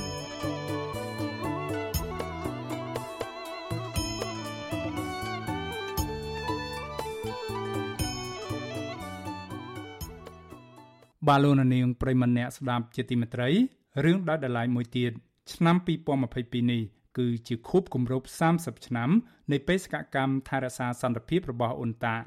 ក្រុមអ្នកតាមដានស្ថានភាពនយោបាយអង្គការសង្គមស៊ីវិលនិងអតីតមេបញ្ជាការកងកម្លាំងរបស់អ៊ុនតាលើកឡើងថាអាញាធរអន្តរកាលមួយនេះបានចូលរួមចំណែកយ៉ាងសំខាន់នៅក្នុងការនាំមកនូវសន្តិភាព និងលទ្ធិប្រជាធិបតេយ្យដល់ប្រទេសកម្ពុជា បន្ទាប់ពីស្ថិតនៅក្នុងភ្នក់ភ្លើងសង្គ្រាមអស់រយៈពេលជាង2ទសវត្សរ៍មកគណៈបកកណ្ដាលអំណាចទទួលស្គាល់សមិទ្ធផលមួយចំនួនរបស់អ៊ុនតាក៏ប៉ុន្តែគណៈបកនេះបន្តរិះគន់ថា អ៊ុនតាមិនបានបញ្ចប់សង្គ្រាមរវាងខ្មែរនិងខ្មែរឡើយបាទលោកយ៉ងច័ន្ទដារារាយការណ៍ពីស្ដាប់ព័ត៌មាននេះអាជ្ញាធរបណ្ដោះអាសន្ននៃអង្គការសហប្រជាជាតិប្រចាំនៅកម្ពុជាហៅកាត់ថាអ៊ុនតាបានបន្សល់ទុកនូវកេរមរតកជាច្រើនសម្រាប់ប្រជាជាតិខ្មែរមរតកទាំងនោះមានជាអាចមូលដ្ឋានគ្រឹះនៃសន្តិភាពអធិបតេយ្យឯករាជ្យលទ្ធិប្រជាធិបតេយ្យនិងសិទ្ធិមនុស្សអ្នកវិភាគនយោបាយចាស់វសាបណ្ឌិតឡាវម៉ុងហៃរៀបរាប់ថា អ៊ុនតាក់បានជួយកសាងស្ថាប័នសំខាន់សំខាន់មួយចំនួនដែលនៅបន្តនិរន្តរភាពមកដល់ពេលបច្ចុប្បន្នដូចជាការិយាល័យឧត្តមស្នងការសិទ្ធិមនុស្សអង្គការសហប្រជាជាតិនិងអង្គការសង្គមស៊ីវិលព្រមទាំងមជ្ឈមណ្ឌលសកម្មភាពកម្ចាត់មីនកម្ពុជាឬហៅកាត់ថាស៊ីម៉ាក់ជាដើមលោកថាសូម្បីតែអាណត្តិនៃអ្នករាយការណ៍ពិសេសអង្គការសហប្រជាជាតិទទួលបន្ទុកសិទ្ធិមនុស្សនៅកម្ពុជាក៏ជាមរតករបស់អ៊ុនតាក់ដែរបណ្ឌិតឡាវម៉ុងហៃសង្កត់ធ្ងន់ថាអ៊ុនតាក់ បានជួយស្ថាបនាគ្រឹះសំខាន់សំខាន់សម្រាប់ជាតិខ្មែរហើយបើគ្មានអ៊ុនតាក់ទេលោកអះអាងថាកម្ពុជាមិនដឹងហែលឆ្លងកាត់ការបង្ហូរឈាមគ្នាដល់ពេលណានោះទេយើងបានដែលប្រព័ន្ធគ្រប់គ្រងរដ្ឋមួយលែងទៅជាកុម្មុយនីសគឺទៅជាប្រព័ន្ធគ្រប់គ្រងរដ្ឋរបបប្រជាធិបតេយ្យសេរីភូបៈហ្នឹងគឺសិតតែដែលគេគ្រឹះបាទ សំខាន់សំខាន់ហ្នឹងបាទហើយបើអ៊ុនតាក់នឹងធ្វើការមិនបានត្រឹមត្រូវអនុវត្ត અને មិនបានត្រឹមត្រូវទេគឺអានេះមូលដ្ឋានគ្រឹះទាំងប្រមាណសម្រាប់ប្រទេសមួយហ្នឹងបាទគឺវាអត់បានទេបាទហើយយើងយើងមានតែសង្គ្រាមបន្តទៅទៀតស្រដៀងគ្នានេះប្រធានសមាគមការពារសិទ្ធិមនុស្សអាត6លោកនីសុខា មានប្រសាសន៍ថា ស្នាដៃធំជាងគេដែលអ៊ុនតាក់សម្រេចបាននោះគឺការរៀបចំការបោះឆ្នោតតាមបែបប្រជាធិបតេយ្យដែលមិនធ្លាប់មានទេនៅក្នុងប្រវត្តិសាស្ត្រកម្ពុជាលោកសង្កត់ធ្ងន់ថាផ្ដើមចេញពីការបោះឆ្នោតកាលពីឆ្នាំ1993នោះហើយទើបកម្ពុជាមានការបោះឆ្នោតជាបន្តបន្ទាប់បើទោះបីជាការបោះឆ្នោតទាំងនោះមិនទាន់មានលក្ខណៈសេរីត្រឹមត្រូវនឹងយុត្តិធម៌ក៏ដោយ។ มันអាចយើងទៅបំភ្លេចស្មារតីទាំងអស់នឹងបានទេហើយអ្វីដែលយើងបានរៀនសូត្រពីអ៊ុនតាក់យ៉ាងច្រើននោះគឺតកតងទៅនឹងការកសាងប្រទេសមួយដែលយើងនៅតែបង្កើតឲ្យមានការគោរពនៅសិទ្ធិមនុស្សការគោរពនៅដំណើរការប្រជាធិបតេយ្យហើយមានទាំងខាងអង្គការសង្គមស៊ីវិលដែលរីកដុះដាលច្រើនពិសេសខាងសង្គមស៊ីវិលដែលធ្វើការខាងសិទ្ធិមនុស្សខាងប្រជាធិបតេយ្យហ្នឹងដែលខ្មែរយើងពីមុននឹងមកមិនដែលមានទេ អ៊ុនតាក់ត្រូវបានបង្កើតឡើងនៅក្នុងឆ្នាំ1992ដើម្បីអនុវត្តកិច្ចព្រមព្រៀងសន្តិភាពទីក្រុងប៉ារីសដែលក្នុងនោះចំណុចធំធំរួមមានការធ្វើមាតុភូមិនិវត្តនៃជនភៀសខ្លួនខ្មែរដែលភ ieck ច្រើនមកពីព្រំដែនខ្មែរថៃការរំសាយកងទ័ពនិងការដកអាវុធ70%ពីភៀកគីចំនួនខ្មែរទាំង4ក្រុមដើម្បីរៀបចំឲ្យមានការបោះឆ្នោតជាតិឆ្នាំ1993ប្រកបដោយបរិយាកាសសុវត្ថិភាពភៀកគីទាំង4នោះរួមមានភៀកគីកងទ័ពសីហនុនិយមហ៊ុនស៊ិនប៉ិច រណសេរីជាតិរំដោះប្រជាពលរដ្ឋខ្មែររបស់លោកតាសឿនសានភាគីរដ្ឋកម្ពុជារបស់លោកហ៊ុនសែននិងភាគីកម្ពុជាប្រជាធិបតេយ្យរបស់ក្រមខ្មែរក្រហមចំណែកកងកម្លាំងរបស់អ៊ុនតាក់ដែលមកអនុវត្តកិច្ចព្រមព្រៀងសន្តិភាពទីក្រុងប៉ារីសនៅកម្ពុជាវិញមានចំនួនជាង22,000នាក់ក្នុងនោះរួមមានអ្នកសង្កេតការយោធានគរបាលស៊ីវិលនិងអ្នកជំនាញផ្សេងផ្សេងទៀតបេសកកម្មនេះបានបញ្ចប់ទៅវិញនៅខែកញ្ញាឆ្នាំ1993ដោយចំណាយអស់ថវិកាជាង2000លានដុល្លារ អតីតមេបញ្ជាការកងកម្លាំងអ៊ុនតាក់ដែលជាជនជាតិអូស្ត្រាលីគឺឧត្តមសេនីយ៍ John Sanderson បានថ្លែងនៅក្នុងវេទិកាសាធារណៈមួយកាលពីពេលថ្មីៗនេះថាអ៊ុនតាក់សម្រេចបានសមិទ្ធផលជាច្រើននៅក្នុងបេសកកម្មនៅកម្ពុជា We had to begin the demining process and we had to bring the 3 to 400យើងបានចាប់ផ្ដើមដំណើរការដោះមីនហើយយើង បានធ្វើមាតុភូមិនិវត្តជនភៀសខ្លួនខ្មែរប្រមាណ3ទៅ4សែននាក់ ដែលភ ieck ច្រើនស្នាក់នៅប្រទេសថៃឲ្យវិលត្រឡប់មកកម្ពុជាវិញដោយសវត្ថភាពយើងបានបង្កើតច្បាប់បោះឆ្នោត និងបញ្ជីឈ្មោះអ្នកបោះឆ្នោតទូទាំងប្រទេសយើងបានរៀបចំឲ្យមានសិទ្ធិបង្កើតបកនយោបាយនិងបង្កើតបរិយាកាសដែលពួកគេអាចធ្វើយុទ្ធនាការបានដោយសេរីយើងជំរុញឲ្យមានចលនាសិទ្ធិមនុស្សនៅតាមជនបទហើយចំណុចនេះសំខាន់ខ្លាំងណាស់ផ្អែកលើពិធីសារនិងអនុសញ្ញារបស់អង្គការសហប្រជាជាតិ យើងបានត្រួតពិនិត្យនិងកែតម្រង់ស្ថាប័នសំខាន់សំខាន់របស់រដ្ឋាភិបាលហើយនឹងបានចាប់ផ្ដើមដំណើរការឡើងវិញនៅកម្មវិធីទាំងឡាយសម្រាប់ការអភិវឌ្ឍសេដ្ឋកិច្ចរបស់កម្ពុជា ជាចុងក្រោយយើងបានរៀបចំការបោះឆ្នោតមួយ ដែលសេរីនិងយុត្តិធម៌ហើយនឹងត្រួតពិនិត្យការបង្កើតរដ្ឋាភិបាលថ្មីថែមទៀតផង and oversee the installation of a new government ថ្វីបើអ៊ុនតាក់សម្រេចបានសមិទ្ធផលដ៏ច្រើនសម្រាប់កម្ពុជាបែបនេះក្តីក៏ប្រមុខរដ្ឋាភិបាលបច្ចុប្បន្នគឺលោកហ៊ុនសែនហាក់មិនផ្ដល់តម្លៃដល់សមិទ្ធផលទាំងនោះទេភាសាដែលលោកតែងតែនិយាយនៅលើវេទិកានៅក្នុងស្រុកនិងនៅក្រៅស្រុកនោះគឺអ៊ុនតាក់ចាយលុយច្រើនតែมันអាចបញ្ចប់សង្គ្រាមបានក្នុងពេលជាមួយគ្នានោះលោកនាយរដ្ឋមន្ត្រីហ៊ុនសែនតែងតែលើកឡើងថាគឺនយោបាយឈ្នះឈ្នះរបស់លោកទៅវិញទេ ដែលនាំមកនូវសន្តិភាពជូនប្រជាជាតិខ្មែរ។ អ្វីដែលកិច្ចព្រមព្រៀងប៉ារីចង់បាន តែអ៊ុនតាក់មិនអាចសម្រេចបាន គឺពេលដែលអ៊ុនតាក់ចំណាយប្រាក់ជាង2000លានដុល្លារអាមេរិកពេលដែលអ៊ុនតាក់ចាក់ចេញទៅ បានបន្សល់ទុកឲ្យកម្ពុជា ជាប្រទេសមួយ មានតំបន់ត្រួតត្រា2និងរដ្ឋាភិបាល2បន្តសង្គ្រាមតទៅទៀតកុំភ្លេចអាកន្លែងនេះទីចុងបំផុតវិលមករកដំណោះស្រាយខ្មែរវិញ ដំណោះស្រាយនោះគឺស្អីនយោបាយឈ្នះឈ្នះខ្ញុំត្រូវចាប់ផ្ដើមយកដើមទុនយកក្បាលខ្ញុំទៅដើមទុនសារជាថ្មីម្ដងទៀតមន្ត្រីជាន់ខ្ពស់នឹងជាអ្នកនាំពាក្យគណៈបកកណ្ដាលអំណាចលោកសុកអេសានថ្លែងការពីប្រសាសន៍របស់លោកហ៊ុនសែននេះថាជាការពិតនៃប្រវត្តិសាស្ត្រលោកទទួលស្គាល់ថាអ៊ុនតាក់សម្រេចបាននូវសមិទ្ធផលមួយចំនួនក៏ប៉ុន្តែมันបាននាំមកនូវសន្តិភាពពេញលេញសម្រាប់កម្ពុជាឡើយ។ ឆ្នាំ1998អង្គការចាប់តាំងខ្មែរក្រហមឲ្យលាយហើយយើងរកបានសន្តិភាពពេញលេញដែលមិនធ្លាប់មានរាប់រយឆ្នាំនៅក្នុងប្រវត្តិសាស្ត្រកម្ពុជាអានេះយើងត្រូវទទួលស្គាល់ការពិតដូច្នេះហើយខ្ញុំសរុបមកវិញខ្ញុំយល់ថាសម្ដេចមិនមែនរិះគន់ឬបរិហាដោយប្រការណាមួយទៅលើបេសកកម្មរបស់អ៊ុនតាក់ទេតែសម្ដេចនិយាយអំពីការពិតនៃប្រវត្តិសាស្ត្រកម្ពុជាទោះជាយ៉ាងណាការបកស្រាយរបស់លោកហ៊ុនសែននិងតំណាងគណៈបកកណ្ដាលអំណាចនេះត្រូវបានអ្នកវិភាគនិងមន្ត្រីអង្គការសង្គមស៊ីវិលចាត់ទុកថាជារឿងមិនត្រឹមត្រូវនិងជាការកេងចំណេញនយោបាយមិនត្រឹមត្រូវគឺនៅត្រង់ថាកងកម្លាំងរបស់អ៊ុនតាក់គឺជាកម្លាំងរក្សាសន្តិភាពមិនមែនជាកម្លាំងប្រយុទ្ធទល់នឹងភៀកគីណាមួយនោះទេ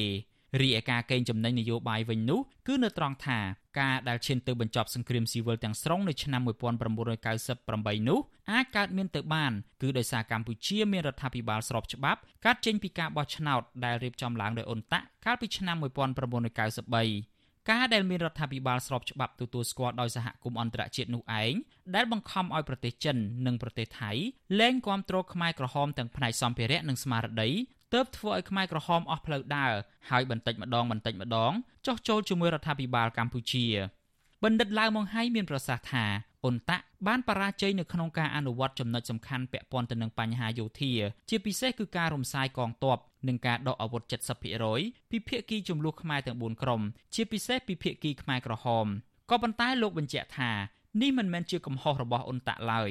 បណ្ឌិតឡាវម៉ុងហៃបញ្យល់ថា ភាគីខ្មែរក្រហមគឺជាអ្នកក្បត់កិច្ចព្រមព្រៀងដោយខ្លួនឯងហើយអ៊ុនតាក់គ្មានកងកម្លាំងដើម្បីច្បាំងនឹងខ្មែរក្រហមនោះទេ មានតែកងកម្លាំងរក្សាសន្តិសុខដែលអនុលោមតាមច្បាប់អន្តរជាតិយើងបន្ទោសឧត្តរអត់បានទេព្រោះបេសកកិច្ចវាចាប់ត្រឹមដែលយើងមានដែលរដ្ឋធម្មនុញ្ញនិងរដ្ឋាភិបាលថ្មី ចាប់ត្រឹមនឹងរឿងអីទៀតទៀតរឿងភាគីខ្មែរយើងទេគឺចង់គ្រប់អនុវត្តក៏គ្រប់ទៅបើសិនជាអត់ទេគឺអត់ទៅហើយមួយទៀតគឺគ្រប់អនុវត្តអត់ទៅកើតទៀតរំសាយកងចប់ចិត្តទៀតវាអត់ទៅកើតទេព្រោះត្រូវទប់ទល់នឹងខ្មែរក្រហមបាទឬបរាជ័យទៅទៀតដែលការប្រើប្រាស់អាវុធនឹងបាទត្រូវទៅទិញដែលខ្មែរក្រហមនឹងមកវិញទៅបណ្ឌិតឡៅម៉ុងហៃយល់ឃើញថា មូលហេតុដែលលោកនាយរដ្ឋមន្ត្រីហ៊ុនសែនមិនសូវផ្ដល់តម្លៃដល់អ៊ុនតាក់ទំនងជាដោយសារគណៈបករបស់លោកបានចាញ់ឆ្នោតកាលពីឆ្នាំ1993ដែលជាការបោះឆ្នោតរៀបចំដោយអ៊ុនតាក់នោះឯង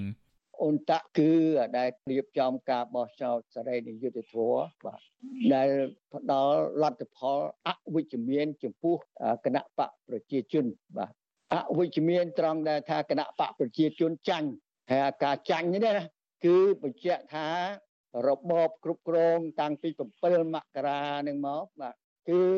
ប្រជាប្រដ្ឋខ្មែរអត់គ្រប់គ្រងទេ ខ្វះដែលហៅភាពស្របច្បាប់ក្នុងន័យធំនឹងហើយបានជានៅពេលប្រកាសលទ្ធផលទៅមានការប្រឆាំងនឹងការលទ្ធផលនៃការបោះឆ្នោតបាទតកតងទៅនឹងបញ្ហានេះអតីតមេបញ្ជាការកងកម្លាំងអ៊ុនតាក់លោក John Sanderson បកស្រាយថា អ៊ុនតាក់អនុវត្តការងារទៅតាមសេចក្តីសម្រេចរបស់ក្រុមប្រឹក្សាសន្តិសុខអង្គការសហប្រជាជាតិលោកបន្តថាបេសកកម្មរបស់អ៊ុនតាក់បានស្ដែងឲ្យឃើញពីកិច្ចខិតខំប្រឹងប្រែងដ៏ខ្លាំងក្លារបស់សហគមន៍អន្តរជាតិនៅក្នុងការជួយដល់ប្រទេសកម្ពុជាលោក John Sanderson គិតថាអ្វីដែលខកខានសម្រាប់បេសកកម្មនៅកម្ពុជានោះគឺការកសាងប្រព័ន្ធតុលាការនិងស្ថាប័នប៉ូលីសឲ្យឯករាជ្យទៅវិញទេ The two things missing from the UN mandate រឿងពីរយ៉ាងដែលមិនមាននៅក្នុងអាណត្តិការងារដ៏ស្មុគស្មាញរបស់អង្គការសហប្រជាជាតិនោះគឺការកសាងប្រព័ន្ធយុទ្ធធម៌មួយដែលឯករាជ្យនិងសេរីដែលចេញអំពីការគ្រប់គ្រងរបស់អ្នកនយោបាយហើយនឹងកងនគរបាលដែលមិនពាក់ព័ន្ធនឹងនយោបាយខ្ញុំគិតថា យើងគួរតែបានធ្វើរឿងនេះឲ្យបានល្អប្រសើរក៏ប៉ុន្តែបញ្ហានៅត្រង់ថា បើយើងពិតជាធ្វើរឿងនេះមែន នោះប្រហែលជាមិនអាចសម្រេចបាននៅកិច្ចព្រមព្រៀងសន្តិភាពឡើយទោះជាយ៉ាងណាក៏ដោយចុះអ៊ុនតាក់សម្រេចបានសមិទ្ធផល និងបន្សល់នូវកេរដំណែលសំខាន់សំខាន់មួយចំនួនដែលផ្ដល់ក្តីសង្ឃឹមដល់ប្រជាពលរដ្ឋខ្មែរថានឹងមានអនាគតល្អក្រោយពីកម្ពុជាបានឆ្លងកាត់របបកុម្មុយនីសនិងការរំលោភសិទ្ធិមនុស្សធ្ងន់ធ្ងរជាច្រើនមកហើយសមិទ្ធផលទាំងនោះរួមមាន កម្ពុជាមានរដ្ឋធម្មនុញ្ញថ្មីមួយដ៏ល្អប្រពៃដែលមានបញ្ចូលច្បាប់សិទ្ធិមនុស្សអន្តរជាតិគឺរដ្ឋធម្មនុញ្ញនេះហើយដែលបានបើកផ្លូវឲ្យកម្ពុជា មានសារព័ត៌មានសេរីនិងឯករាជ្យអង្គការសមាគមសិទ្ធិមនុស្សព្រមទាំងគណៈបកនយោបាយប្រឆាំងដើម្បីជួយឲ្យកម្ពុជាក្លាយជាប្រទេសមួយដែលមានការគោរពសិទ្ធិមនុស្សនិងនីតិរដ្ឋ ក៏ប៉ុន្តែក្តីសង្ឃឹមរបស់ប្រជាពលរដ្ឋនេះត្រូវរលាយទៅវិញនៅក្នុងឆ្នាំ1997នៅពេលដែលលោកហ៊ុនសែនដែលកាលនោះគឺជានាយករដ្ឋមន្ត្រីទី2បានធ្វើរដ្ឋប្រហារទម្លាក់សម្ដេចក្រមព្រះនរោត្តមរណរដ្ឋដែលជានាយករដ្ឋមន្ត្រីទី1ពីអំណាចចាប់តាំងពីពេលនោះមកកម្ពុជាត្រូវបានគេមើលឃើញថាបានធ្លាក់ចូលទៅក្នុងរបបផ្ដាច់ការបន្តិចម្ដងបន្តិចម្ដងដែលមកដល់ពេលបច្ចុប្បន្ននេះរដ្ឋសភាបានក្លាយជារដ្ឋសភាឯកបកគ្រប់គ្រងដោយគណៈបកប្រជាជនកម្ពុជារបស់លោកហ៊ុនសែន ដែលករណីនេះគឺផ្ទុយពីស្មារតីនៃកិច្ចព្រមព្រៀងសន្តិភាពទីក្រុងប៉ារីសអង្គការសង្គមស៊ីវិលនិងអ្នកវិភាគនយោបាយលើកឡើងស្របគ្នាថាបើគ្មានអ៊ុនតាក់ទេនោះក៏គ្មានសន្តិភាពកើតមាននៅកម្ពុជាដែរហេតុដូច្នេះប្រជាជាតិកម្ពុជា ជាពិសេសគឺរដ្ឋាភិបាលគួរតែចងចាំនៅកិច្ចខិតខំប្រឹងប្រែងរបស់អ៊ុនតាក់ដោយមិនគួរនិយាយបរិហាបែបលំអៀងឬក៏បំភ្លៃការពិតដើម្បីតែផលប្រយោជន៍នយោបាយរបស់ខ្លួននោះឡើយជាងនេះទៅទៀតពួកគេផ្ដល់យោបល់ដល់បញ្ញវន្តខ្មែរគួរតែសិក្សាស្រាវជ្រាវ និងចងក្រងជាឯកសាររឹងមាំស្ដីអំពីបេសកកម្មរបស់អ៊ុនតាក់នេះដើម្បីឲ្យមនុស្សចំនួនក្រោយបានដឹងអំពីសម័យអន្តរកាលរបស់កម្ពុជាផង និងស្វែងយល់អំពីបេសកកម្មថែរក្សាសន្តិភាព របស់អង្គការសហប្រជាជាតិផងខ្ញុំយ៉ងច័ន្ទដារាវិទ្យុអាស៊ីសេរីរាយការណ៍ពីរដ្ឋធានី Washington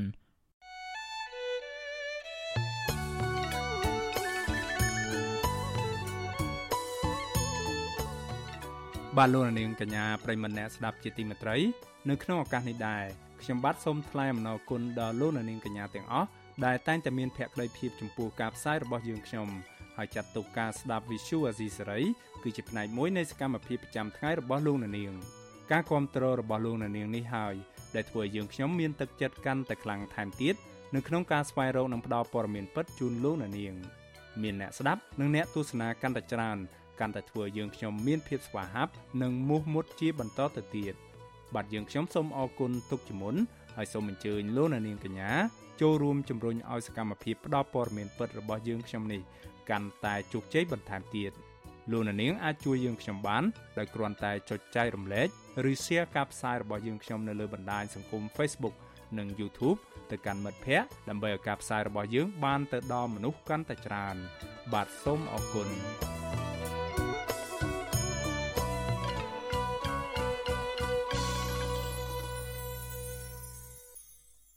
បាទលោកនាងកញ្ញាប្រិមម្នាក់ស្ដាប់ជាទីមេត្រីកម្មវិធីផ្សាយរយៈពេល1ម៉ោងនៃ Visual Asia ស្រីជាភាសាខ្មែរនៅពេលនេះចប់តែប៉ុណ្ណេះយើងខ្ញុំសូមជូនពរដល់លោកនាងកញ្ញាព្រមទាំងក្រុមគ្រួសារទាំងអស់ឲ្យជួបប្រកបតែនឹងសេចក្តីសុខចម្រើនរុងរឿងកំបីឃ្លានឃ្លាតឡើយខ្ញុំបាទមេរិតព្រមទាំងក្រុមការងារទាំងអស់នៃ Visual Asia ស្រីសូមអរគុណនិងសូមជម្រាបលា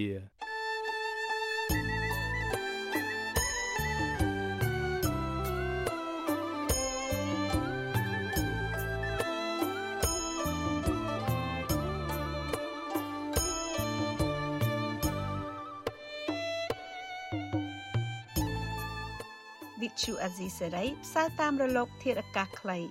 ឬ short wave តាមកម្រិតនិងកម្ពស់ដូចតទៅនេះពេលព្រឹកចាប់ពីម៉ោង5កន្លះដល់ម៉ោង6កន្លះតាមរយៈរលកធាតុអាកាសខ្លី12140 kHz ស្មើនឹងកម្ពស់ 25m និង13715 kHz ស្មើនឹងកម្ពស់ 22m ពេលយប់ចាប់ពីម៉ោង7កន្លះដល់ម៉ោង8កន្លះតាមរយៈរលកធាតុអាកាសខ្លី 9960 kHz ស្មើនឹងកម្ពស់ 30m 12140 kHz ស្មើនឹងកម្ពស់ 25m និង11885 kHz ស្មើនឹងកម្ពស់ 25m លោកអ្នកនាងអាចស្ដាប់ការផ្សាយផ្ទាល់តាមប្រព័ន្ធអ៊ីនធឺណិតដោយចូលទៅកាន់គេហទំព័រ www.rfa.org/ ខ្មែរក្រៅពីនេះ លោកអ្នកនាងក៏អាចអាននិងទស្សនាព័ត៌មានវិទ្យុអេស៊ីសេរីលើទូរស័ព្ទដៃរបស់លោកអ្នកផ្ទាល់សូមលោកអ្នកនាងចូលទៅកាន់បណ្ដាញសង្គម Facebook ដែលមានអាសយដ្ឋាន www.facebook.com/rfa.cambodia និង YouTube www.youtube.com/rfa ខ្មែរ video សូមលោកអ្នកនាងចុច like និងចុច Subscribe ដើម្បីទទួលបានព័ត៌មានថ្មីៗទាន់ហេតុការណ៍និងទស្សនាវីដេអូផ្សេងៗទៀតបានគ្រប់ពេលវេលា thank you